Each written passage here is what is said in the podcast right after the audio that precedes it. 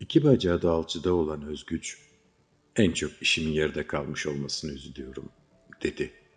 Eyüpoğlu Hastanesi'nde özel bir odada yatıyordu.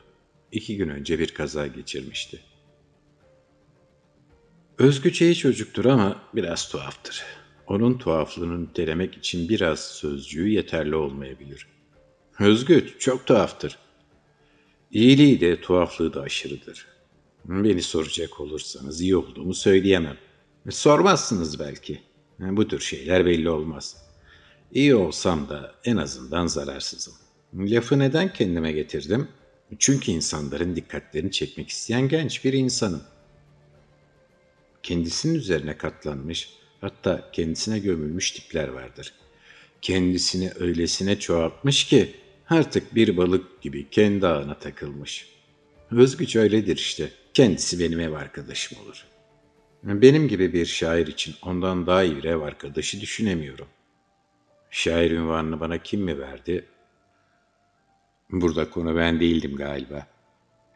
Konu aslında hemen her zaman kendimizdir ama şu anda Özgüç'ün hikayesini anlatmak istiyorum. Evin şairi ben olduğum halde bazı şiirleri saplantı haline getiren Özgüç'tü. E saplantılı bir insan kendisi. İtiraf etmeliyim ki ben de öyleyim. Onun dünyası dört boyutlu bir küre gibidir. Bu nedenle kendisini dünyaya açmasının hiçbir yolu yoktur. Siz dört boyutlu bir küre olup olmayacağını düşünürken ben anlatıma devam edeyim. Dünyadaki saplantılı insanların sayısı tahmin ettiğinizden daha fazladır. Yaralarını saklayan kediler gibidir bu insanlar. Yaralarını yalayan kediler gibi de olabilirler. Şiirlerde kullanılan imgeleri görsellere dönüştüren yazılımlar sağ olsun. Son zamanlarda bazı kişiler şiirleri oyunlara uyar diyor. Özgüç, Edip Cansever'in Çağrılmayan Yakup şiirini bilgisayar oyununa dönüştürülmüş bir versiyonunu bulmuş. Oyunu o kadar sevmiş ki onu geliştiren genç adamla temasa geçmek istemiş.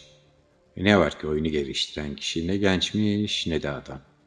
Annesi yaşındaki bu kadını oyunun kodlarını kendisine vermeye ikna etmiş. Bunu nasıl başardığını bilmiyorum. Kadıncağız bizimkinin derişman bakışlarından ürktüğü için vermiş olabilir. Özgüç'ün dünyası epey küçülmüş durumdaydı. Bir balık gibi kendi ana takılmış olsanız bir epey hareket alanınız vardır. Hafızanızın bahçesinde dilediğinizce dolaşabilirsiniz.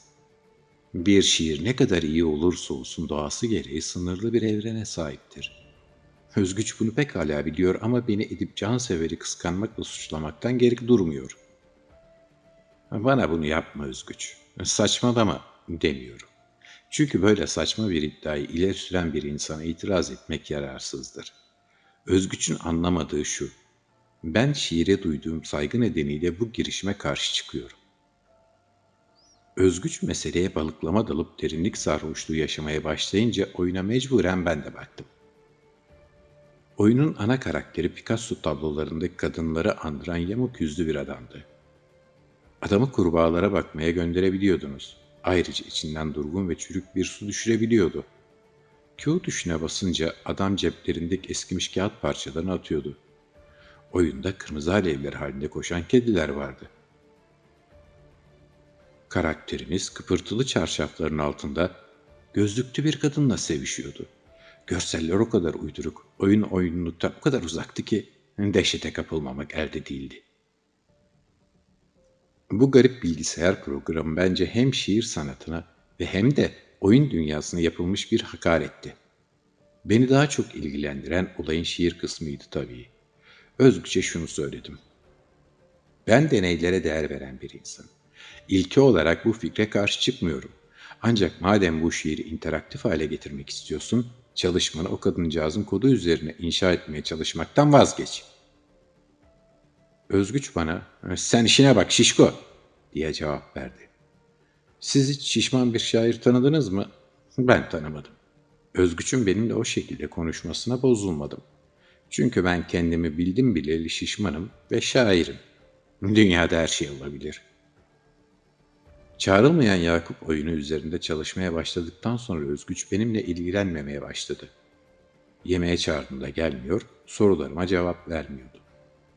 Şiirlerimin dergiler tarafından reddedildiği o matem dolu günlerde bu tür bir davranışa tahammül edemezdim. Özgücü karşıma alıp konuşmaya karar verdim.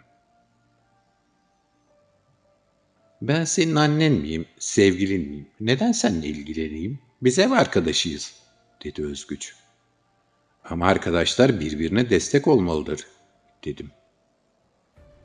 Bilgisayar oyunlarını ve şiiri sevdiğimi biliyorsun. Artık hayatımla ne yapmam gerektiğine karar verdim. Şiirleri oyunlaştıracağım ve bu işe büyük bir hevesle sarıldığım için yemekler sofrada yenecek ve sorularıma cevap verilecek. İtiraz istemiyorum, dedim. Ben öyle sert çıkınca uslu bir çocuk gibi başını salladı.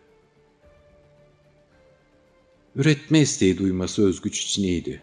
Babası erkenden ölüp kendisine bazı evler miras kalınca uzatmalı bir öğrencilik dönemi yaşama lüksüne sahip olmuştu. Mutlu yuvamızda masaüstü hologram oynatıcımız bile vardı. Benim işimse epeyce zordu. Üniversite mezunlarından oluşan işsizler ordusunun bir neferi olmaktansa forklift operatörlüğü yapmaya karar vermiştim. Siz hiç şiirleriyle önlenmiş bir forklift operatörü tanıyor musunuz? Forklifti sürme tarzında iş yerinde kısa sürede parmakla gösterilen çalışanlardan biri oldum. O kadar ki beni izlemeye gelenler oluyordu. İnsanlar olayları abartmayı seviyor. Forkliftle yaptıklarımı bazısı bale gösterisine benzetiyordu. Bazısı dans performansına. Konu dönüp dolaşıp yine bana geldi. Oysa Özgüç'ü anlatıyordum. Özgüç bana kalırsa boyundan büyük bir işe kalkışmıştı. Bir kez oyun yazacak kodlama bilgisine sahip değildi. Ayrıca grafik tasarımı işinde de herhangi bir tecrübesi yoktu. Ancak azmini takdir etmek gerekir. Yavaş yavaş öğreniyordu ve şiirde geçen eski at arabasını ve yosunlar, kumlar ve deniz minareleriyle bezeli deniz kıyısını iyi kötü görselleştirmeyi başarmıştı. Ancak zaman ilerledikçe yorulduğunu, sabırsızlandığını ve azminin kırılmaya başladığını görebiliyordum. Programın kodunu oyun üreticilerin takıldığı bir ortama koyması bence iyi olmadı. Yapılan tek yorum, hayatımda hiç böyle berbat bir şey görmedim, biçimindeydi. Galiba eski kaygısız ve mutlu hayatına geri dönmek istiyordu. Civilization 9'un yayınlanmasını bahane ederek kodlama işine ara verdi. Yavaş yavaş büyüyüp gelişen sanal şehri masaüstü hologram oynatıcıda pek bir görkemli görünüyordu.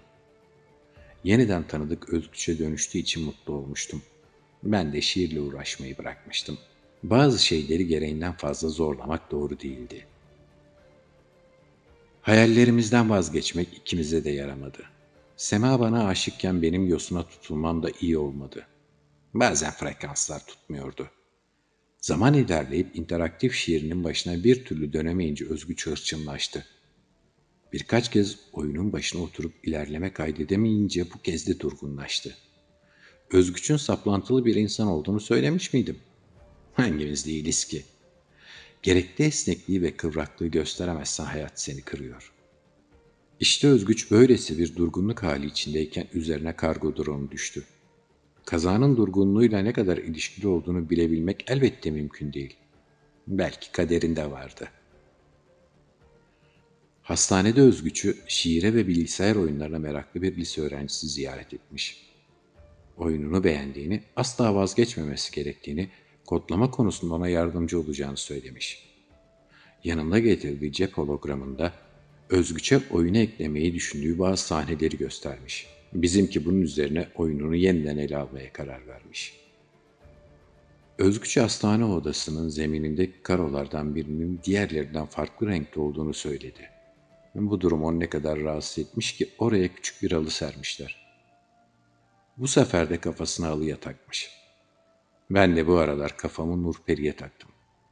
Ama burada konu ben miyim? Evet neden olmasın.